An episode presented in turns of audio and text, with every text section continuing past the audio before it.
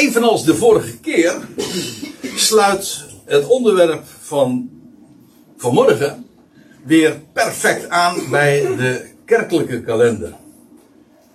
En degenen die gebruikelijk zijn hier te komen, die weten dat ik daar helemaal geen enkele waarde aan toeken. En toch, het is wel een hele aardige aanleiding uh, om, uh, om juist deze dingen te bespreken, terwijl iedereen daar inderdaad uh, ook aandacht aan geeft. Want de vorige keer, toen was het dus twee weken geleden, dat was 25 december, en toen hadden we het over de timing van Jezus' geboorte. Ja, dat was het, het onderwerp.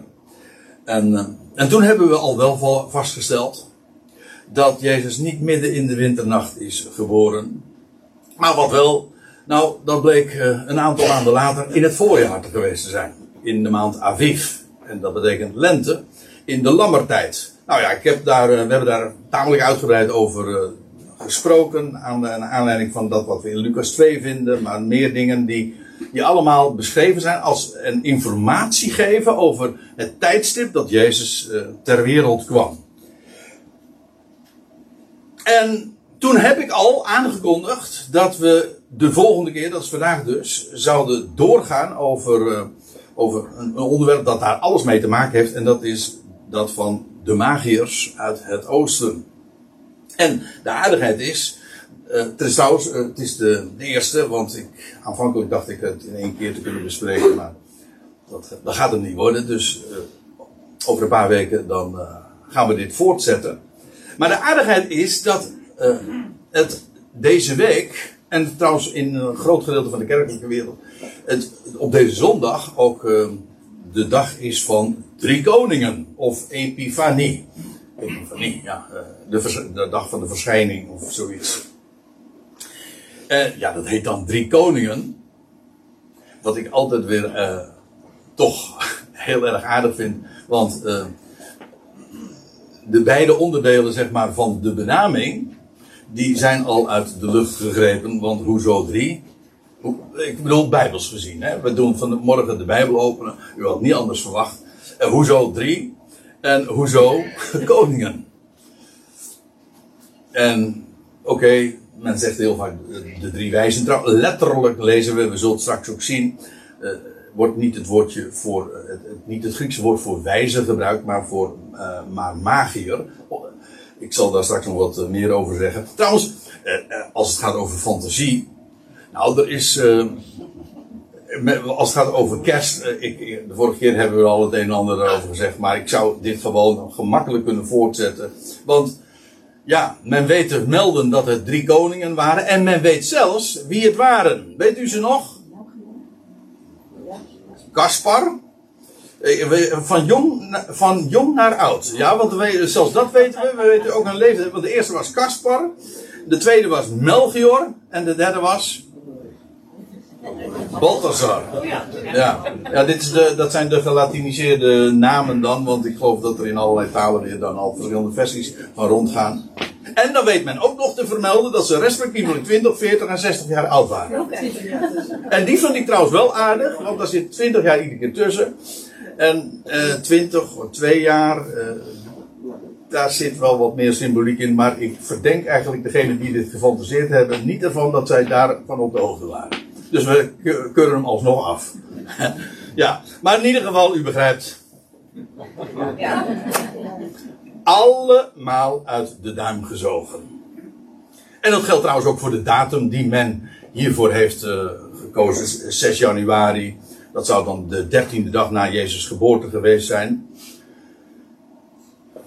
Uh, die men ook al foutief had vastgesteld. Uh, kort, want het wordt meestal dan zo voorgesteld dat de herders die die, waren, na, die hadden het, het, kind bezocht en die hadden zojuist uh, de stal verlaten, waar je ook al trouwens niet over leest. En dan uh, komen vervolgens de, de, de, de wijzen binnen, de drie koningen. Hè? In de stal, ja. Nou, nou ja. Uh, echt, alles eraan is gewoon gefantaseerd. En soms erbij bedacht, waarbij je dus kunt zeggen van ja, het zou kunnen, maar het hoeft niet. Bijvoorbeeld het aantal drie zou kunnen. Het waren in ieder geval meer dan één. Het was, een, ja, het was, een, het waren meer, het was meer uh, dan één, dus mi minimaal twee. En, uh, en, misschien waren het er ook wel vier, vijf, zes of whatever. Dat weten we allemaal niet. Maar goed, dat is gefantaseerd. En er zijn ook gewoon een heel aantal dingen waarvan we absoluut weten dat het in ieder geval niet dat was.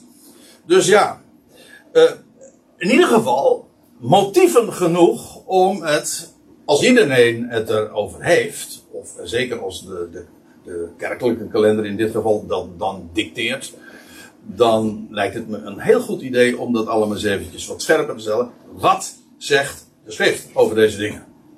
Nou, eh, als we het hebben over deze geschiedenis, gaan we dus naar Matthäus 2. De vorige keer hebben we ons vooral bepaald bij wat we in Lucas vinden, waar de, waar de geboorte zelf uh, beschreven wordt, of in ieder geval de gebeurtenissen direct uh, die plaats hebben gevonden op die dag. Hè. Ik bedoel, de herders die, uh, die krijgen dan ook het nieuws te horen, terwijl ze dus de wacht hielden over de, de kudde. dat heden is u geboren. Dus dat was op de, de geboortedag zelf. Maar uh, inmiddels, dit was echt een hele tijd later. Toen nu Jezus was geboren, zegt Matthäus uh, in Bethlehem van Judea. Nou, dat Jezus was geboren, daarvan hebben we al vastgesteld. Dat was uh, vlak voor Pesach. Een paar dagen daarvoor. En als er één datum daarvoor in aanmerking kwam, dan was het dus de tiende, Aviv. En in elk geval inmiddels zijn we een heel eind verder. En ongeveer een kleine twee jaar. Ik kom daar later op terug, want die termijn van twee jaar, die had Herodes heel duidelijk ook uitgevorst bij die, bij die magiërs. En uh, dat is ook de aanleiding voor, voor de kindermoord in Bethlehem. Maar daar gaan, we, daar gaan we trouwens pas de volgende keer over hebben. Maar die, dit is een hele tijd dus daarna. Een kleine twee jaar, zoals gezegd. Maar in die tijd, toen nu Jezus was geboren in Bethlehem van Judea, maar dat wisten we al. Weliswaar waren Jozef en Maria uh, woonachtig in Nazareth, maar ze waren voor de gelegenheid vanwege die telling uh, naar Bethlehem gegaan. En daar is de Heer Jezus dan ook ter wereld gekomen, in overeenstemming met de profetie. Waarover straks meer. Het was in de dagen van Herodes, de koning. Oei, en dat wordt een wat lastig verhaal. In die zin dat uh, zijn konings. Dit was Herodes. Hij is de eerste eigenlijk van een hele dynastie. Herodes de Grote. Hij heeft uh, behoorlijk lang uh, geregeerd. Hij heeft ook heel veel betekend. Het wordt, ja, wij kennen eigenlijk vooral de negatieve kant van zijn geschiedenis. ja, vanwege dat wat er juist in Matthäus 2 wordt beschreven. Maar hij heeft ook heel veel betekend voor het Joodse volk. Hij heeft met name dan de tempel uh, in hoge mate vernieuwd en verfraaid. En, en daar is uh, er tientallen jaren, ik geloof 46 jaar, lees je in Johannes 2, hebben ze daarover gedaan. Dat is, uh, en dat is een wereldwonder geworden. Echt het, een, een, geweldig bouwwerk. En dat is allemaal onder zijn leiding heeft dat plaatsgevonden. In ieder geval zijn koningschap wordt gedateerd van 37 voor Christus tot uh, eh, 4 voor Christus. Dat is de gangbare. Als u kijkt op Wikipedia, maar of welke. In de meeste encyclopedieën wordt daar het uh, jaartal 4 voor Christus vermeld. Ja, de vorige keer hadden we het al eventjes over dat voor Christus. En dat is heel erg lastig, want de Heer Jezus is geboren een paar jaar voor Christus. Dat is trouwens wat ik nu zeg. Dat is algemeen uh, gangbaar, hè? Dat zal iedereen zeggen. Dat is dus geen nieuwigheid voor mij. Iedereen zal zeggen, meestal zegt men, aangezien Herodes in 4 voor Christus stierf, moet de Heer Jezus dus daarvoor geboren zijn. Um, en inderdaad, het, het, moet voor het sterven van de uh, Herodes hebben plaatsgevonden. De geboorte van Jezus, dat is duidelijk. Aanzienlijk zelfs, want ja, nou ja, ik had het net al over die, die marge van twee jaar. Maar uh, die sterfdatum wordt nogal uh, bekritiseerd. En uh, ik heb een boek in de kast staan en dat is een geweldig boek. Ik heb daar al vaker ook over gesproken. The Star That Astonished the World. De, ster die de wereld versteld deed staan. En deze Dr. Martin, uh, die inmiddels al lang niet meer onder ons is, maar die laat zien dat die die sterfdatum niet vier, in, of de sterfjaar niet in vier voor Christus is geweest, maar in één voor Christus. Dat heeft allemaal te maken met dat Herodes is overleden vlak voor een zonsverduistering. Maar aangezien dat in 4 voor Christus heeft plaatsgevonden, maar een volledige zonsverduistering heeft ook in 1 voor Christus plaatsgevonden. En, nou ja, daar zit nogal wat aan vast. Misschien dat ik de volgende keer daar nog even op terugkom. Omdat aan het einde van Matthäus 2 ook gesproken wordt dat uh, Jozef en Maria met het kind dan weer terugkeren vanuit Egypte. En dat doen ze als, als ze vernemen dat Herodes gestorven is. Misschien dat ik daar de volgende keer nog iets over zeg. Maar uh, goed, houd deze even in gedachten. Het was in ieder geval dus, die geboorte van, die, van Jezus uh, heeft plaatsgevonden in de dagen van Herodes de koning. We weten dus sowieso uh, al het een en ander over de, de timing. Hè. We hadden de vorige keer over dat het was uh, toen keizer Augustus een telling liet plaatsvinden. En, en met het oog waarop. Maar hier wordt, vinden we dus nog een, een, een detail omtrent dat alles. Het was in de dagen van Herodes, de koning. En ik zei al, hij is de eerste van een hele dynastie. Want er, volgen er nog een heleboel andere Herodesen. Want ook in de dagen toen de Heer Jezus stierf, toen was daar ook een Herodes aan, aan de macht. En later, Herodes Antipas, Antipater in plaats van zijn vader, betekent dat. En je kreeg Herodes Agrippa. Die vind je in het boek Handelingen. En Paulus is ook voor een Herodes verschenen. Dat was weer een andere Agrippa tweede. Kortom, het is een hele... Herodes is hij feitelijk dus een achternaam.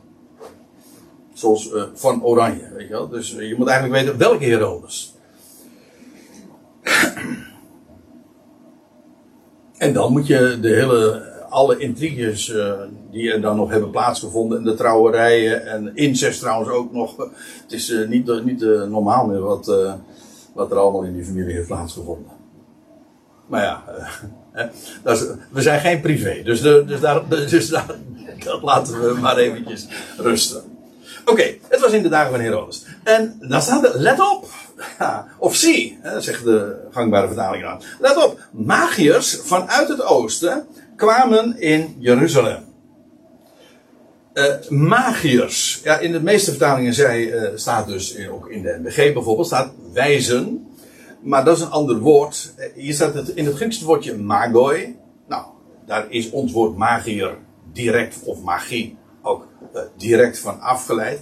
En dat wordt ook in het Oude Testament, dat wil zeggen in de, in de Griekse vertaling, de Septuagint, nogal eens een keer genoemd. Met name ook in het boek Daniel. Wat trouwens logisch is, want uh, ja, hier lees je ook over dat die magiërs uit het oosten kwamen. Gerekend dus vanaf, vanuit het land Israël. En dan kom je toch echt in de richting van Jordanië of Irak. Hè? Um, waar Babel ook lag. En, en je leest uh, dat die magiërs daar aan het hof van, wat was dat toen? Uh, Nebuchadnezzar natuurlijk. een grote rol speelden. het waren allerlei, ja, eh, bezweerders, sterrenkundigen, sterrenwiggelaars, of in ieder geval allemaal die in die categorie dus vallen. En je leest dat op het moment dat Daniel de die had al een hoge positie, maar dat hij de droom van Nebukadnezar verklaart. Waar al de magiërs en wijzen en alle andere uh, wetenschappers, zeg maar, niet toe in staat waren. Daniel uh, die openbaart uh, het geheim van, en die openbaart niet alleen het geheim, maar ook de droom zelf van, van Nebuchadnezzar.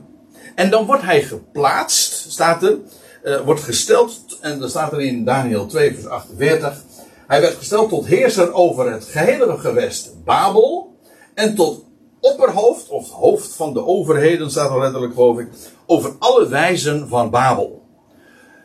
En dat is wel interessante informatie. Dat betekent dus dat daar dus die magiërs in het oosten, ten opzichte van Israël gerekend dus, uh, allemaal onder leiding stonden, ooit onder supervisie van Daniel.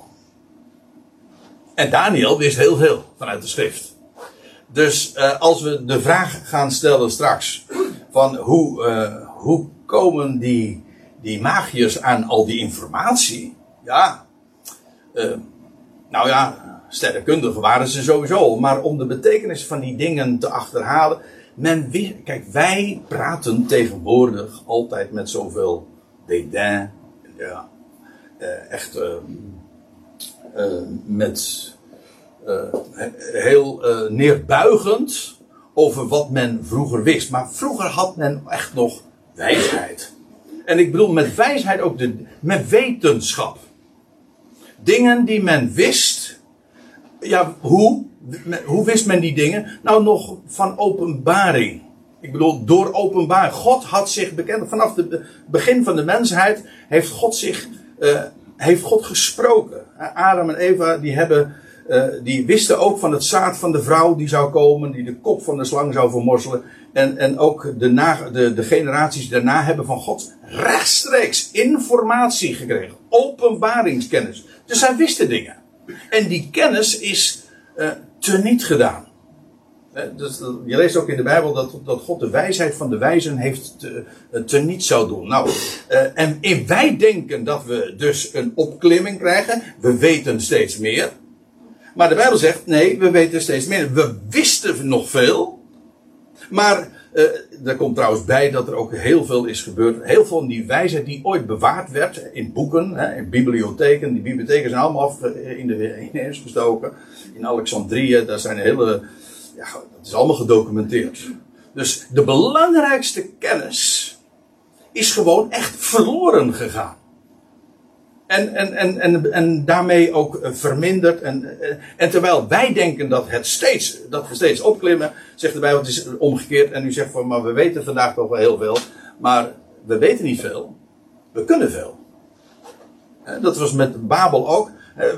Als je eenmaal de handen ineens slaat, en dan, dan, dan, ben je, dan ben je tot alles in staat. En dat is, dat is techniek. Maar dat is geen wetenschap. Wetenschap heeft te maken met dat je weet hoe de dingen in elkaar steken op, op zijn minst dat je weet waar we vandaan komen en wat de betekenis is van dingen, daar weten we niks meer van. Het zelfs het beginsel van wijsheid zijn we kwijtgeraakt. Namelijk dat er één is, de beginsel van wijsheid is de vrezen van Yahweh. Dat wil zeggen, je wijsheid begint bij de erkenning dat er één God is. Maar onze wetenschap, wat wij wetenschap noemen, is, uh, wij gaan ervan uit dat er geen God is. Dat wil zeggen, wij, wij zijn, we zeggen dan blanco. Maar in de praktijk betekent we rekenen niet met God. Nou, dat betekent dat je in feite de wijsheid helemaal hebt uitgeschakeld. Ja, ik zeg dit expres ook om, omdat deze magiërs die gingen uit van, die hebben een ster gezien het, en zij, zij konden die dingen duiden. En ze van wauw, dat zouden de wijzen vandaag niet meer doen. Of wat voor wijsheid doorgaat. We, we hebben geen idee meer van hoe de dingen echt in elkaar steken. En, uh, en toen nog wel, dus. In, uh, in, uh, in bepaalde mate. Of, natuurlijk in Israël helemaal, want daar had men direct de schriften tot beschikking. Tot een beschikking. Aan hen zijn de woorden Gods toevertrouwd. Oké, maar ook in de rest van de wereld werd wijsheid bewaard. En van die wijsheid is weinig meer overgebleven. Anno 2023. Gelukkig nieuwjaar overigens. maar dat had ik al gezegd. Ja. ja, want wij hebben toch ook. Eh, wij wandelen ook bij het licht. In, terwijl in de wereld donker is, hebben wij een ster. Het licht. Een licht op ons pad. Oké, let op. Magiërs vanuit het oosten kwamen in Jeruzalem. Die zeiden: Waar is de, koning, de geboren koning van de Joden? Aardig hè, dat, dat het er zo wordt geformuleerd. Eh, de vraag is dus niet of die koning is geboren, want dat wisten ze. Dat wisten ze gewoon. Vraag me nou even niet hoe ze dat wisten, maar ze, uit de vraagstelling blijkt dat ze het wisten. En ze vragen daarom niet van, is, die, is er misschien een koning geworden? Nee, zeggen, waar is hij geboren? Dus ze, ze passeren eigenlijk al de vraag van of het zo is, want dat was voor hen dus absoluut zeker. Ze vragen, waar is die geboren koning van de Joden. Want uh, wij namen de ster van hem waar. En wij kwamen om hem te adoreren, te aanbidden. Ik kom er straks nog even op terug. Uh, de ster van hem. Ja.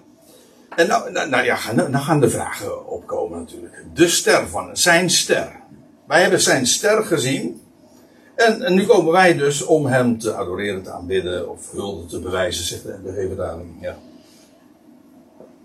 ja, nou, eh, dan durf ik wel te zeggen dat zij kennis hadden van zaken, dat er een, een, een, koning, een koning, in Juda geboren zou worden, van de Joden. Hè.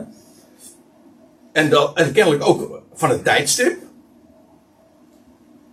Alleen de precieze locatie wisten ze niet. Maar dat het onder de Joden, dat daar een koning zou zijn, ja, dat wisten ze. Maar de vorige keer heb ik al iets uh, gezegd ook over, die, uh, over het tijdstip van Jezus' geboorte. En toen kwam al even die 70 jaarweken van Daniel aan de orde. En die, die periode van pakweg 500 jaar, die vanaf de, de herbouw van de tempel in Jeruzalem tot aan de komst van de Messias die, die periode uh, van, van 70 jaarweken wordt daar al voorzegd. Uh, dus men wist in die dagen, zeg maar rond het begin van onze jaartelling, de gewone jaarrekening, men wist in deze tijd moet die koning geboren worden. Nou oké, dan kun je zeggen van ja, maar er was alleen maar gezegd van wanneer hij zou sterven.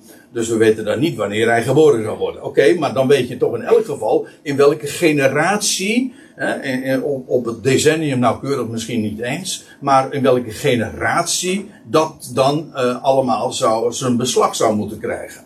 En daar is nog iets trouwens, en dat is de profetie van Biliam. Eigenlijk was Biliam een collega van deze, nou ja, veel eerder dan, uh, van deze magiërs. Uh, die Biliam, die die, uh, u weet het hè, die uh, Israël moest vervloeken en dat lukte hem niet. Nee, het lukte hem niet. Hij wilde, hij wilde het volk vervloeken. Nou, toen was die, daar kreeg hij trouwens ook geld voor. Om dat te doen. En toen hij zijn mond opendeed, de ezel. Oh nee, uh, toen hij de mond, zijn mond opendeed. toen, ja, toen kwam er alleen maar zegen uit. En toen zei hij. Ja, in nummer 23, 24 wordt het allemaal beschreven. Dan staat er in dit in hoofdstuk 24, vers 17 dit. Uitspraak van Biliam. Een heiden. Hij wilde Israël vervloeken, nogmaals. Maar in, in werkelijkheid, wat hij doet, is hij spreekt eh, het woord Gods. God opent zijn mond. Onwillig als die is, en toch. Eh, en, dan zegt, en dan zegt hij: Ik zie hem, maar niet nu. Ik schouw hem, maar niet van nabij. En dan komt het. Een ster gaat op van Jacob. En er rijst een scepter op vanuit Israël. Wat Biliam zegt van nou, het is nu nog niet. Maar er komt, het is, het is misschien, het ligt nog ver weg. Maar er gaat uh, straks een ster op van Jacob. Of vanuit Jacob. En dan en dat betekent dat een, een, een scepter, een scepter, dat is een koningsstaf, een staf van een koning, ja. Er, rijst een scepter op vanuit Israël.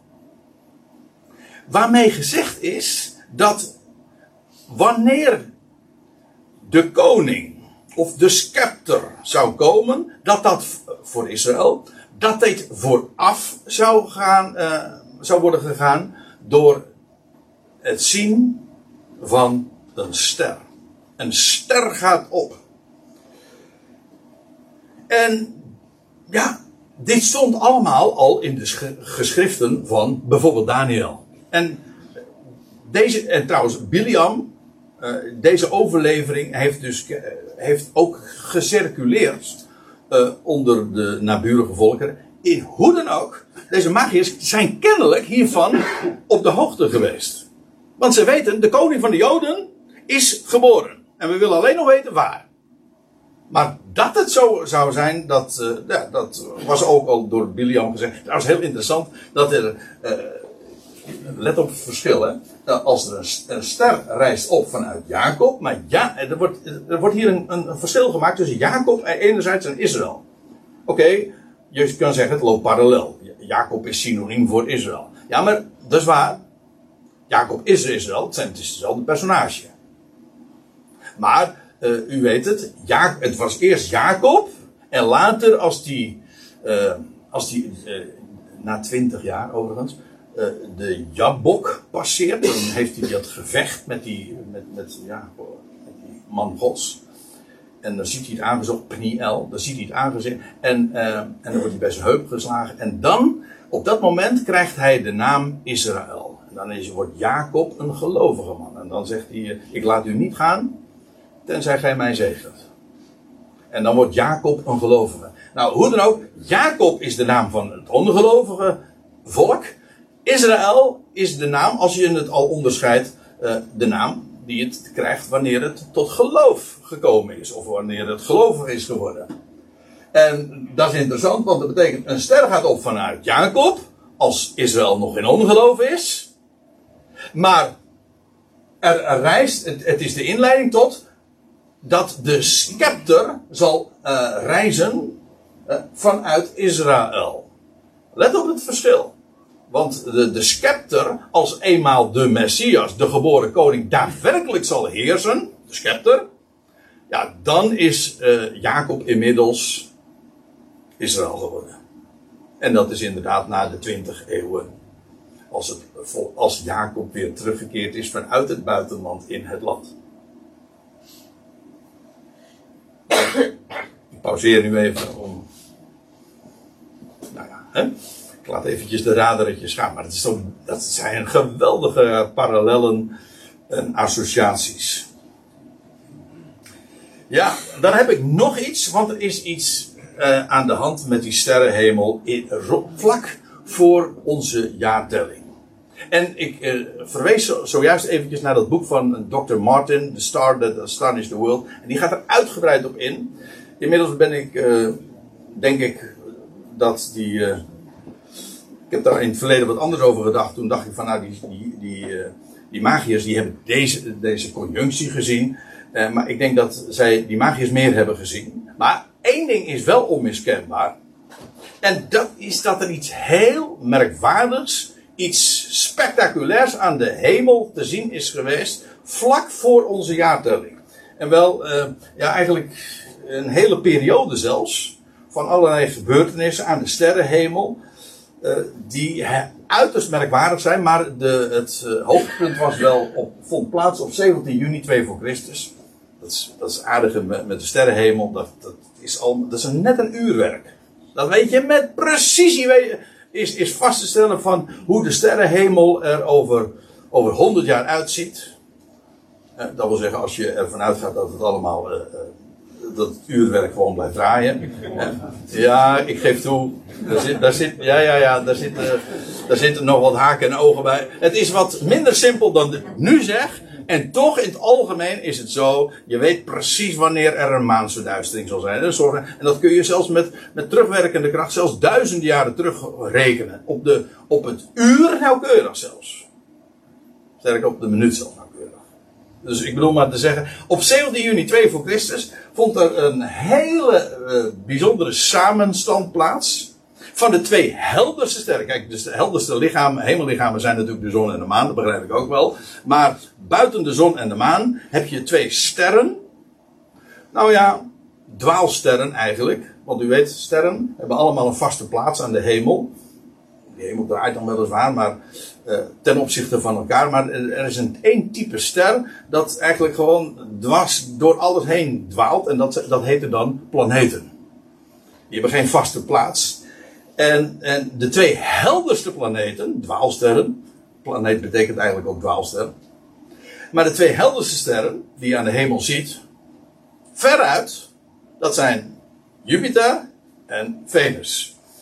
En Jupiter, Jupiter, Zeus, dat was de opper, dat is de, dat was de, stond te boek als de, uh, de koningplaneet. In het Hebreeuws heet hij trouwens Tzedek. Dat betekent de rechtvaardige. Dat heeft alles ook weer met Melchi, Tzedek te maken. Eh, de rechtvaardige koning. Oké. Dat is Jupiter. Maar er vond een samenstand, een conjunctie heet dat, met, met een duur woord. En Venus. Nou, en waar Venus voor staat, dat hoef ik nu niet te vertellen. Want die is vrij algemeen bekend. En uh, mannen komen van Mars. Hè? Ja. Uh, maar, maar Venus is in het algemeen een, een aan, aanduiding van, in de symboliek van vruchtbaarheid. En wat er plaatsvindt op deze datum, 2 voor Christus, was de samenstand van Jupiter en Venus. En dat was in het sterrenbeeld Leo. Oftewel, de leeuw. Maar de leeuw heeft alles te maken met Juda. Toch? De leeuw van Juda. Dat zei Jacob ooit al. Jacob in de profetie, toen hij vlak voor zijn sterven, heeft hij zijn zonen gezegend. En dan lees je, dan krijgt Juda, hij zegt, Juda krijgt de scepter. Aan, aan Juda wordt de scepter toevertrouwd. Dat wil zeggen, van al die twaalf stammen is Juda uiteindelijk, zou nog duizend jaar duren voordat David trouwens ten toneel zou voeren. Maar Jacob voorzegt dat al. Uh, op zijn sterfbed en dan zegt hij aan Juda zal de scepter toekomen.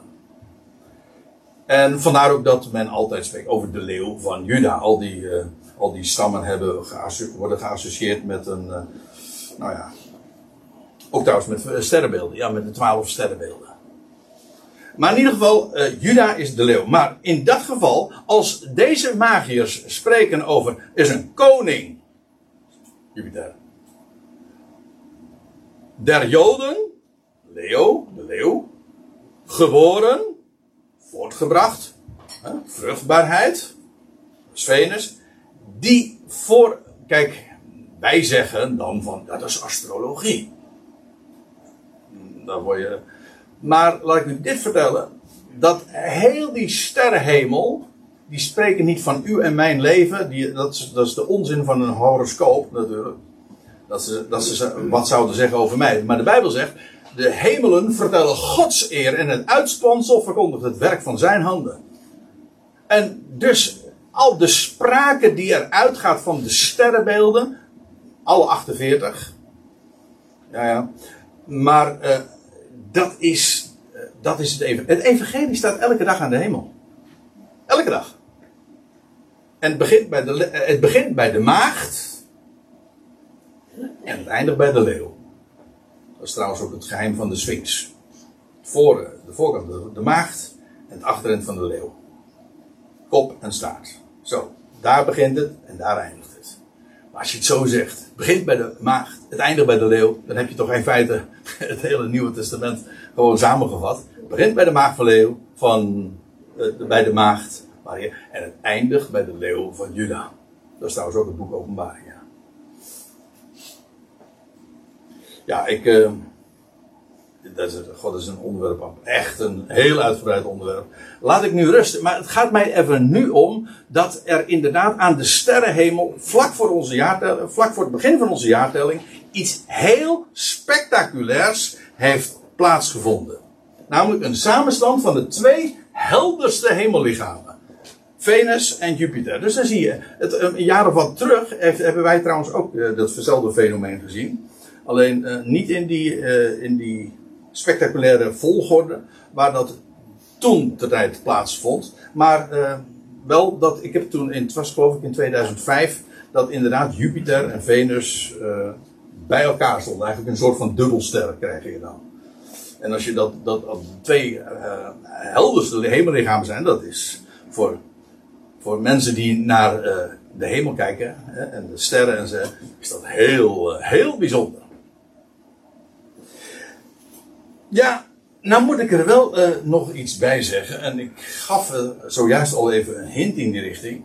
Dat uh, er staat bijna. Um, dat, die, dat die magiërs toch nog wel iets meer hebben gezien. Natuurlijk hebben zij. Waar, en waren zij op de hoogte van dat astronomisch fenomeen waar ik het zojuist over had. En over alles wat daar in die context plaatsvond. Maar in dit geval ik geloof dat zij echt meer hebben gezien. En in feite, ja, en dat is dat het niet een lauw, wat die magiërs hebben gezien, dat kan. Ik heb daarin, ik zei al, ik heb daar in het verleden wat anders over gedacht. Ik dacht dat zij hebben gewoon die ster, eh, die samenstand van die, van Venus en Jupiter gezien. Dat, dat geloof ik ook. Maar de ster die zij hebben gezien en die zij zijn gevolgd, dat kan niet bij nader inzien alleen maar uh, die samenstand geweest zijn. Want die brengen je namelijk niet eh, die leiden je niet voort en die staan dan op een gegeven moment stil boven een huis. Dat gebeurt niet. Dat is, wat is dat dan wel? Nou, wij, wij noemen dat dan een UFO. Hè? En wat is een UFO? Nou, dat weten we dus niet. Dat is wat het woord namelijk zegt. Het is een unidentified flying object. Dat is een ongeïdentificeerd vliegend voor. Wat het is, ja, dat weten we juist niet. Dat is juist wat een UFO is. En in feite, wat zij. Eh, er vinden allerlei dingen plaats. En, uh, ja, UFO's is uh, ook weer een heel boeiend onderwerp. Maar wat zij hebben gezien is een hemellichaam, een ster, een licht. En voor hen was dat wellicht ten overvloede een bewijs van de geboren koning van de Joden. Het kan ook een opeenstapeling van argumenten geweest zijn, waardoor zij tot die conclusie zijn gekomen. Ik kom daar straks nog even op terug wanneer we, of straks of later, uh, wanneer, zij, uh, die, de, wanneer die magiërs op reis gaan.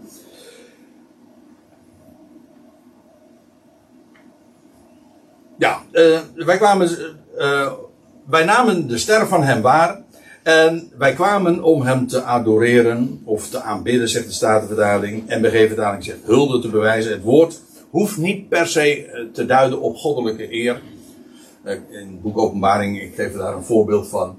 Uh, dan lees je over dat er mensen zullen komen en die zich, zullen zich neerwerpen of die zullen zich, uh, die zullen jullie adoreren. Nou, dat wordt dan door de Heer gezegd tegen, tegen de, een van die E7 Ecclesia's. Hoe dan ook, daarom gebruik ik het woordje adoreren of hulde bewijzen. Aanbidden is namelijk heel sterk. Hè? Dat aanbidden, doen we alleen God. Maar uh, dit woord is breder. Huldebewijs is wellicht beter. Of in dit geval adoreren. Oké. Okay. Um, en één ding is duidelijk. Deze magiërs die hebben de reis ondernomen. Zij waren er absoluut van overtuigd. Dat wat zij hadden waargenomen daar in het oosten. Dat dat één conclusie slechts toeliet. En dat is dat de koning der Joden was geboren. Daarom waren zij gekomen. En zij waren, nee, ja, ze wisten niet alleen dat hij was gekomen. Ze wilden hem ook inderdaad de hulde bewijzen.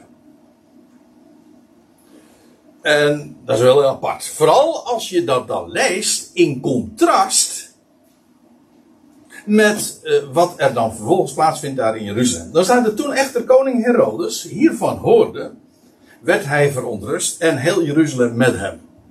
Ja, maar ik denk uh, trouwens dat Jeruzalem, heel Jeruzalem verontrust werd, uh, niet om dezelfde reden als Herodes.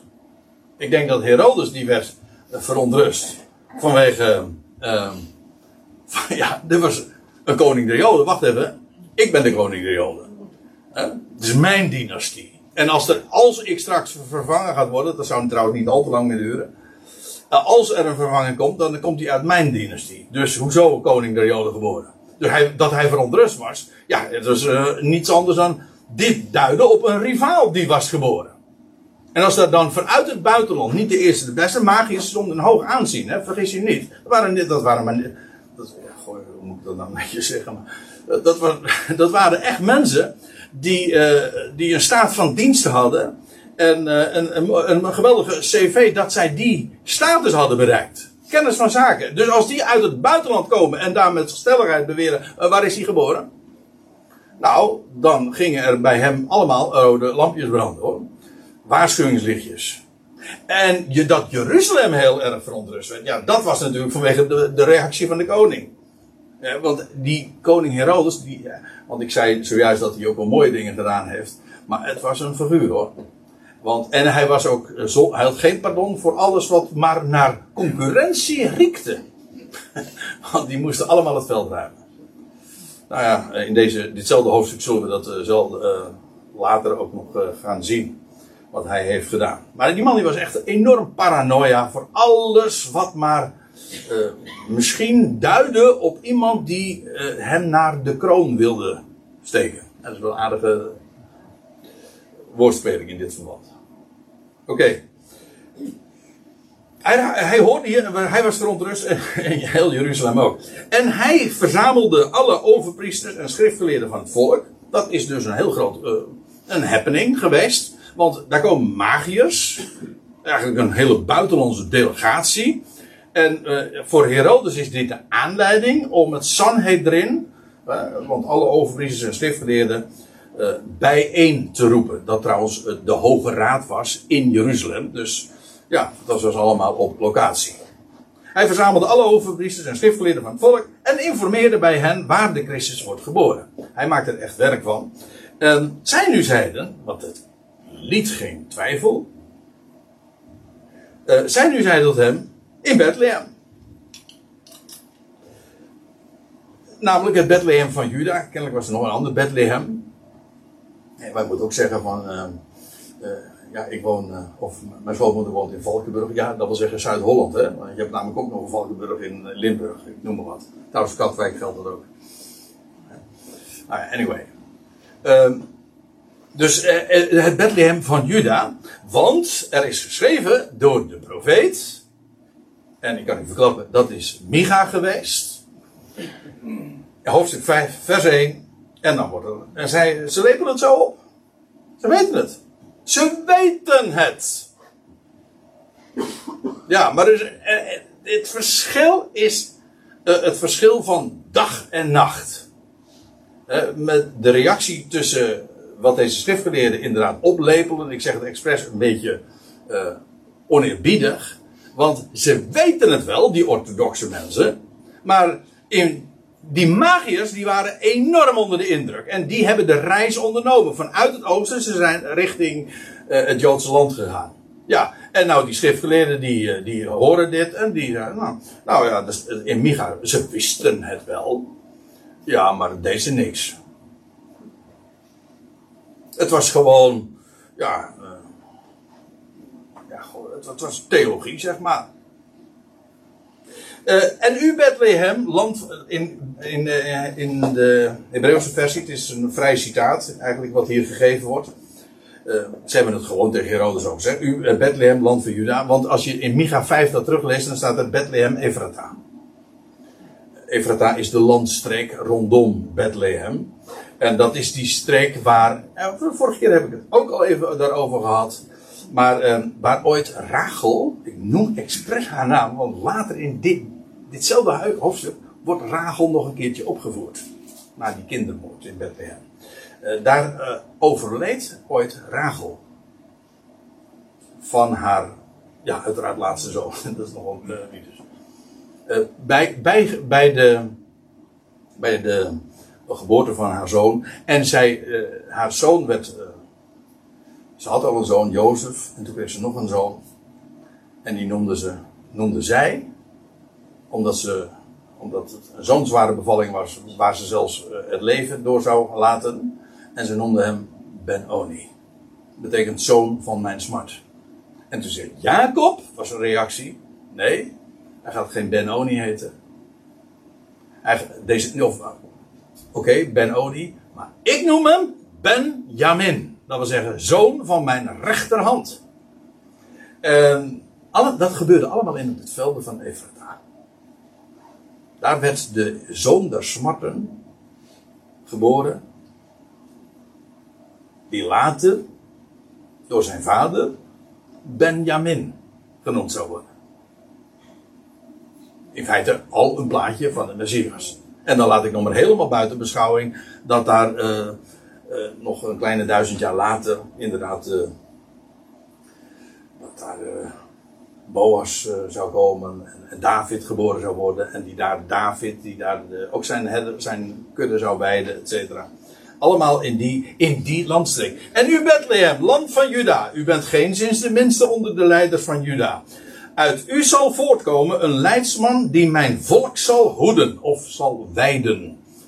Uh, in de MBG-vertaling staat inderdaad zal wijden. Maar het idee is een leidsman die in feite een herder is. Dat is trouwens Davidisch, hè? David was de goede herder. Hij zette zijn leven in voor de kudde. Ja, maar juist daarom was hij ook geschikt om koning te worden.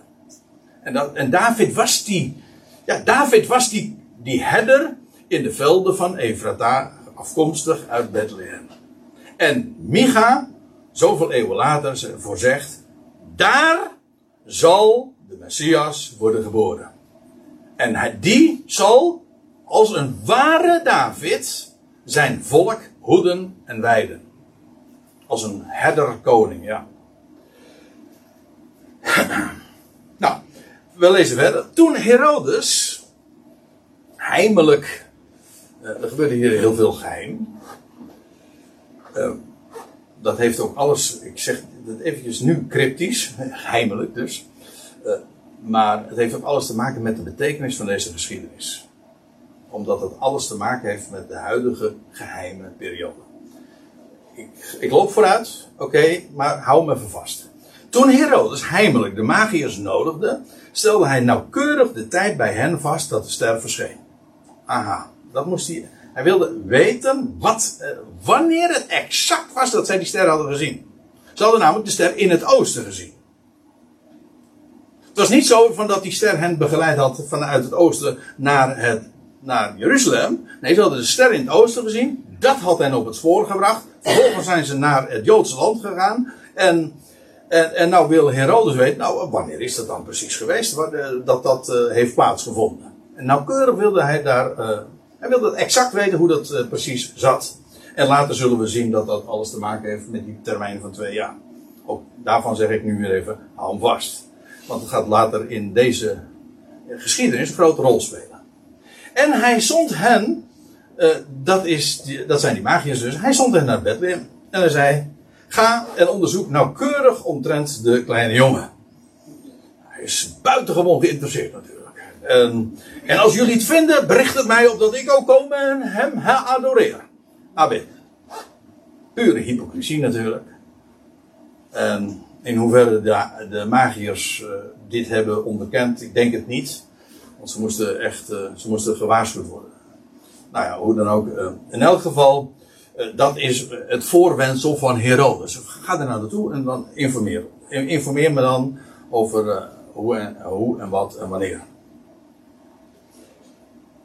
Zij nu, die de koning moorden, gingen, en let op, de ster die zij waarnamen in het oosten,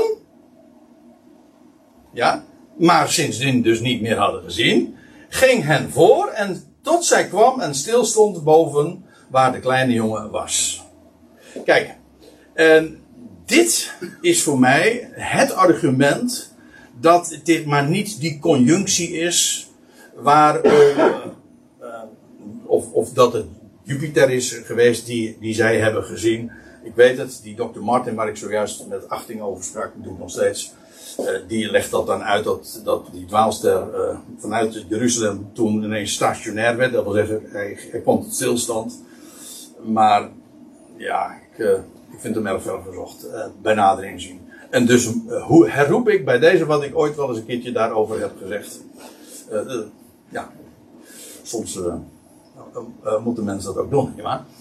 En trouwens, uh, als u daar anders over denkt, even goede vrienden. Maar ik denk niet dat dit over een, een gewone ster gaat, want die, die, die gaat je namelijk niet voor. En die gaat, staat ook niet boven de plaats dan waar in dit geval die kleine jongen was.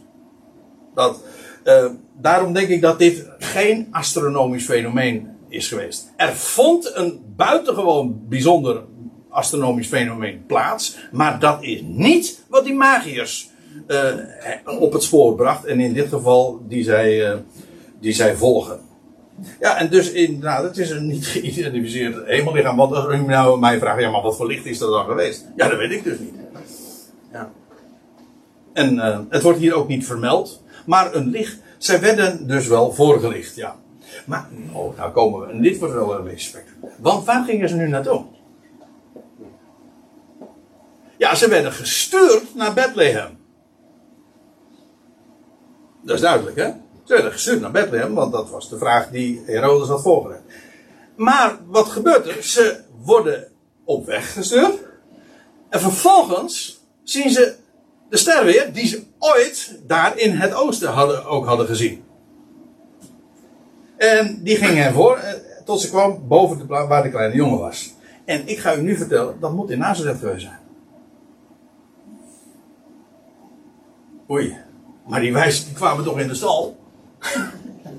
nee, dat kan, ja, het kan niet. Uh, kijk, wat we weten vanuit Lucas, Jozef en Maria, na de eh, voorgeschreven plichtplegingen, zijn zij namelijk teruggekeerd naar, vanuit Bethlehem, nee, vanuit Jeruzalem, naar Bethlehem. Je leest in Lucas 2 dit. En toen zij, gaat het over Jozef en Maria, alles tot een einde hadden gebracht naar de wet van de Heer. Want, even voor de goede orde. De Heer werd geboren. Op de achtste dag werd hij besteden. Wordt dat uh, beschreven? Logisch. Elk jongetje gebeurde dat mee. En dan lees je. Op de veertigste dag. Gingen zij naar de tempel. Want dat moest namelijk bij een eerstgeborene altijd gebeuren. En en bij die gelegenheid, als zij dan op de veertigste dag, wat allemaal in Lucas 2 zo vermeld, als zij op de veertigste dag daar in de tempel zijn, dan ontmoeten ze Simeon en Anna, die vrouw van, die, van 84, ja. En, nou ja, en dan, eh, en dan vinden daar uh, hele bijzondere dingen nog plaats, een hele bijzondere ontmoeting, want zowel Anna als uh, met name Simeon, die, die melden daar hele aparte dingen. Zij, kijk, dat vind ik zo apart, hè. Van die Simeon lees je, hij, hij was daar in Jeruzalem en hij verwachtte de vertroosting, of de verlossing van Israël. Dat wist hij. Hij wist, dit is de tijd dat de Messias zal gaan komen. Dus die heeft daar in de tempel, en, en hij heeft het geweten. Dit is het. En hij vandaar ook dat hij tegen Maria allerlei uh, dingen zegt van, dat gaat er gebeuren. Er, kijk, die, kijk, de orthodoxe schriftgeleerden, eh, ik, ik, ik, geef toe, ik scheer over één kam. Maar over het algemeen, ze worden hier natuurlijk heel negatief neergezet. Want ze, ze, ze lepelen wel op wat er in de staat geschreven. Maar doet ze niks. Ze Kijk, en dat is het punt. Ze geloven het niet echt. Want als je het echt gelooft, ja, dan ben je net als een Simeon. En net als die magiërs, dan ga je daar naartoe. En dat is. Uh, nou ja, hoe dan ook. Jozef en Maria zijn dus op de 40ste dag naar de, naar de, de tempel gegaan. Eh, ik ja, wellicht dat ik er zometeen nog iets, één ding over zeg. Uh, maar als het dan staat. En toen zij alles tot een einde hadden gebracht. naar de wet van de Heer. Dat, en dat vond plaats op de veertigste dag. keerden zij terug naar Galilea. naar hun stad, Nazareth. Ze waren ooit voor de gelegenheid. Voor vanwege die inschrijving en die telling. Uh, naar Bethlehem gegaan. Ze zijn daar nog een tijdje gebleven omdat, daar nog, omdat ze in Jeruzalem moesten wezen. Bethlehem ligt maar een paar kilo, kilometer of acht of tien van uh, Jeruzalem verwijderd. En uh, ze zijn ze daar dus gebleven. In ieder geval, ze keerden naar hun stad terug. Na alle plichtplegingen in Jeruzalem. Dus, dus na 40 dagen. Dus na 40 dagen zijn ze niet gevlucht naar Egypte. Of niet, nee, niet gevlucht. Nee, ze zijn teruggekeerd na de 40ste dag en voor mijn part is het de 41ste of 42ste geweest. Maakt me niet uit. Maar in ieder geval, daarna zijn ze naar Galilea gegaan. Namelijk naar hun stad, Nazareth. Dus, je krijgt dit verhaal. Jezus werd geboren. Op de achtste dag werd hij besneden. Op de veertigste dag, zoals voorgeschreven, Leviticus 12, u kunt het zo allemaal nalezen. Uh, vindt die vertoning plaats in de tempel. Klinkt een beetje raar als ik het zo zeg, de vertoning. Ja, ik bedoel, zij toonde hem in de tempel. En vindt daarna, exact eh, daarna, de terugkeer naar Bethlehem plaats. Zodat zij vanaf deze periode, dus in Bethlehem vertoeven. En dan pakweg twee jaar, ik denk een kleine twee jaar. Is dat dan niet nagewerkt? Wat, wat zei ik dan? Oh, sorry, ja, oh, nee, neem me niet kwalijk. Ik zeg het. Ja, oké. ja, dit, dit, is dus. Hier, vanaf hier zijn ze dus gewoon in Nazareth. Ja, sorry. Verwarring met iets groter te maken. Uh, in vers 22 lezen we dat, uh, Jozef. Ja, ik weet wat je wil gaan zeggen. Ja, maar uh, dat is, zover zijn we nog niet. Hij vreesde terug te keren naar Judea. Dat weet ik. Vind je het goed als ik de volgende keer. Want, want, dat is vers 22, we zijn nog maar in vers 8 of zo, weet ik veel. Dus dat, dat, uh, daar, gaan we, daar gaan we het er zeker over hebben. Uh, in ieder geval, en vanuit deze gegevens. De twee jaar. Uh, ze, ze, verblijven daarin naast. En dan, en dan uh, vindt het bezoek van de magiërs plaats. Sorry? Zeg ik het weer fout? Nee, ik zei fout. Oké, okay. ik lees wat er staat. Jij leest wat er staat en dan ben je fout. Oké, okay, oké. Okay. Jij leest niet wat er staat. Ah ja. Er staat Bethlehem. Hij leest wat er staat. Oh, nou zie nou pas. Oh, nou, neem me niet kwalijk. Nou, nou, zie ik, nou zie ik de grote fout. Ja, dit is. Ja, nee, oh god zeg. Ja, dit. eh hier moet er staan Nazareth, ja, inderdaad. Ze waren in Bethlehem en hier ze keren terug naar Nazareth. Sorry, dat was mij ontgaan. Ik, dit teken heb ik expres trouwens gedaan. kijken. Ja, ik heb een scherp gehoord. Kijk. Ik, ik eens kijken of ze erin trappen. Nee hoor. Sorry, sorry, excuus.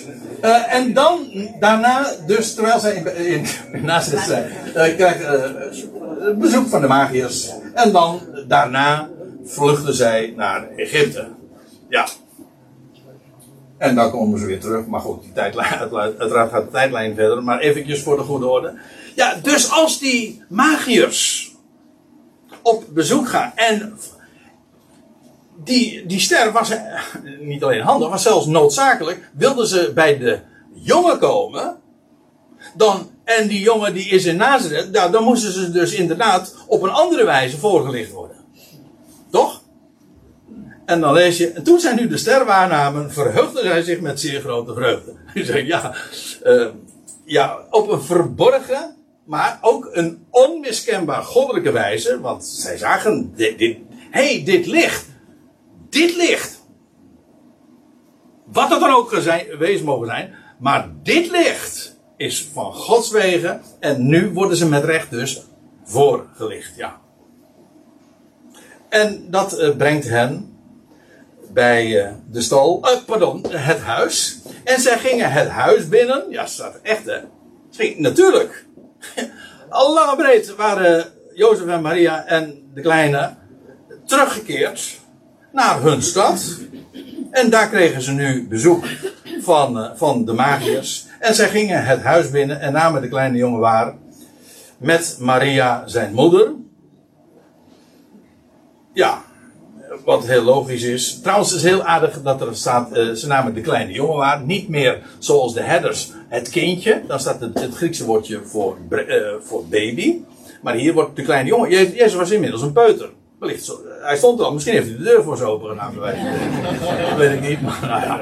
Eh, u zegt, eh, maar je was toch tegen fantaseren? Oké, oké. Slikken we ook erin.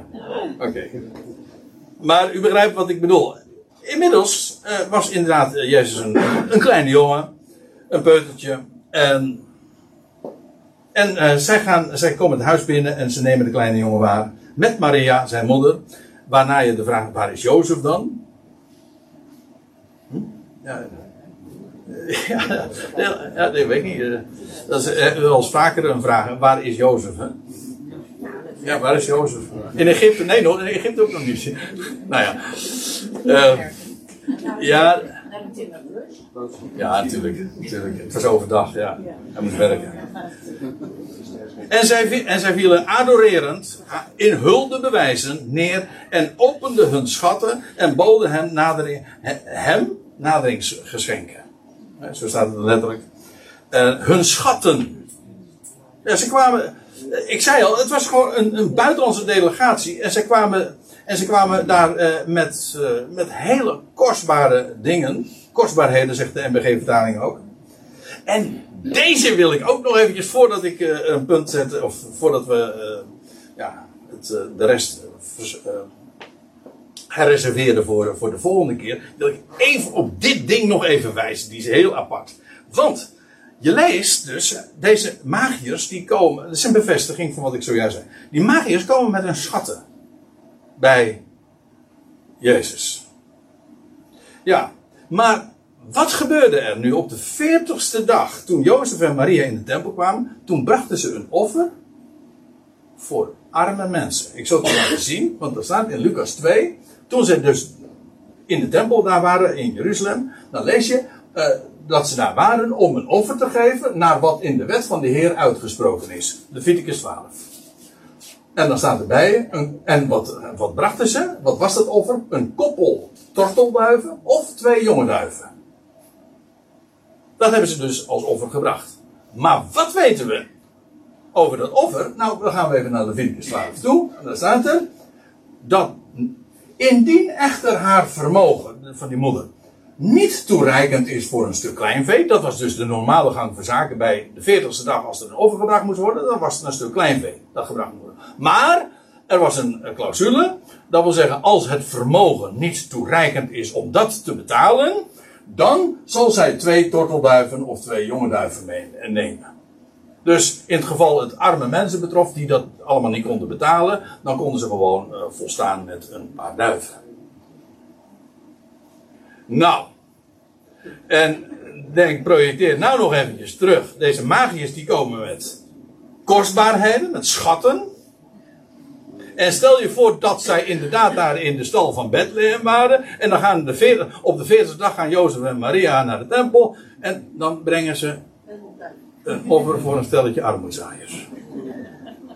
Dat is niet logisch, hè?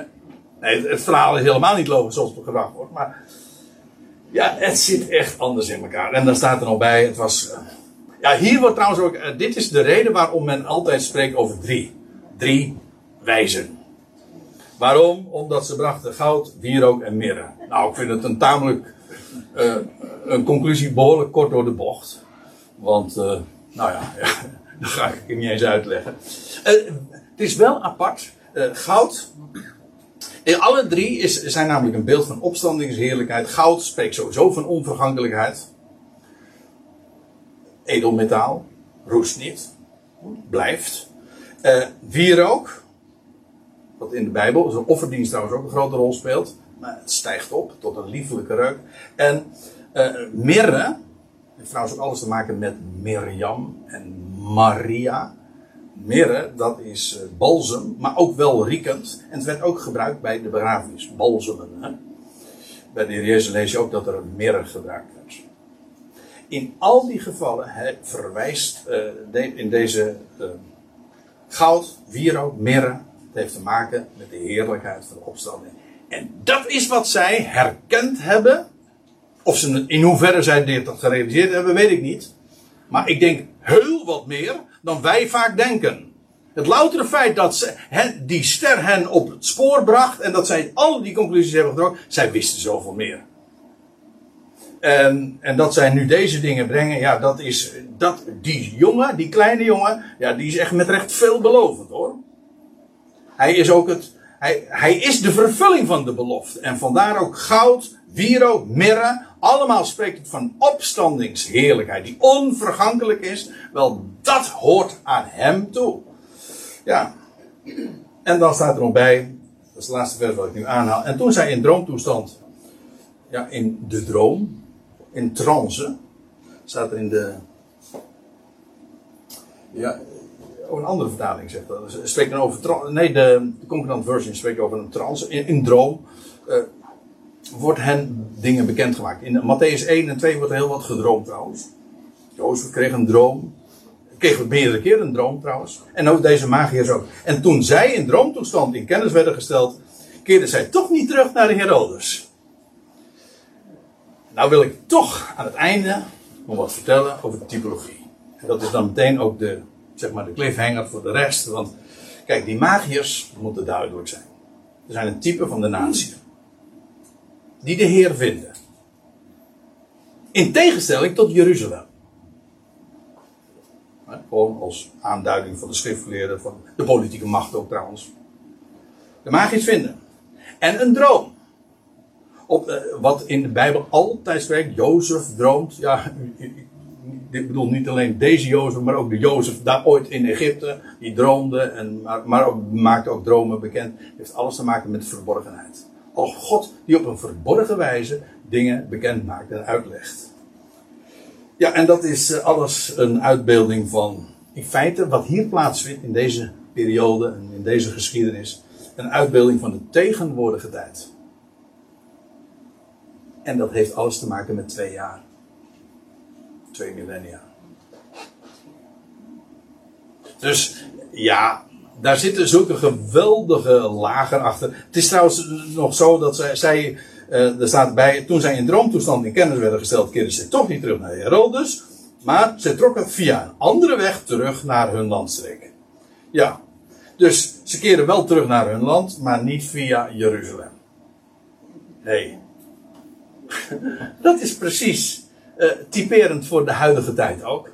Het gaat buiten Jeruzalem om. Nu. En dat, en dat heeft alles te maken met het feit dat nu het heil naar de natieën gaat. Door hun struikeling en buiten Jeruzalem om.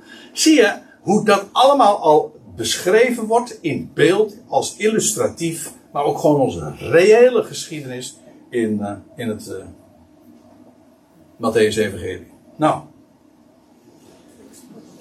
Ik zou zeggen. Wordt vervolgd. Ja, en dat slaat niet op wat er met de Heer Jezus gebeurt, die vervolgd wordt. En op de kinderen in Bethlehem, die worden ook vervolgd.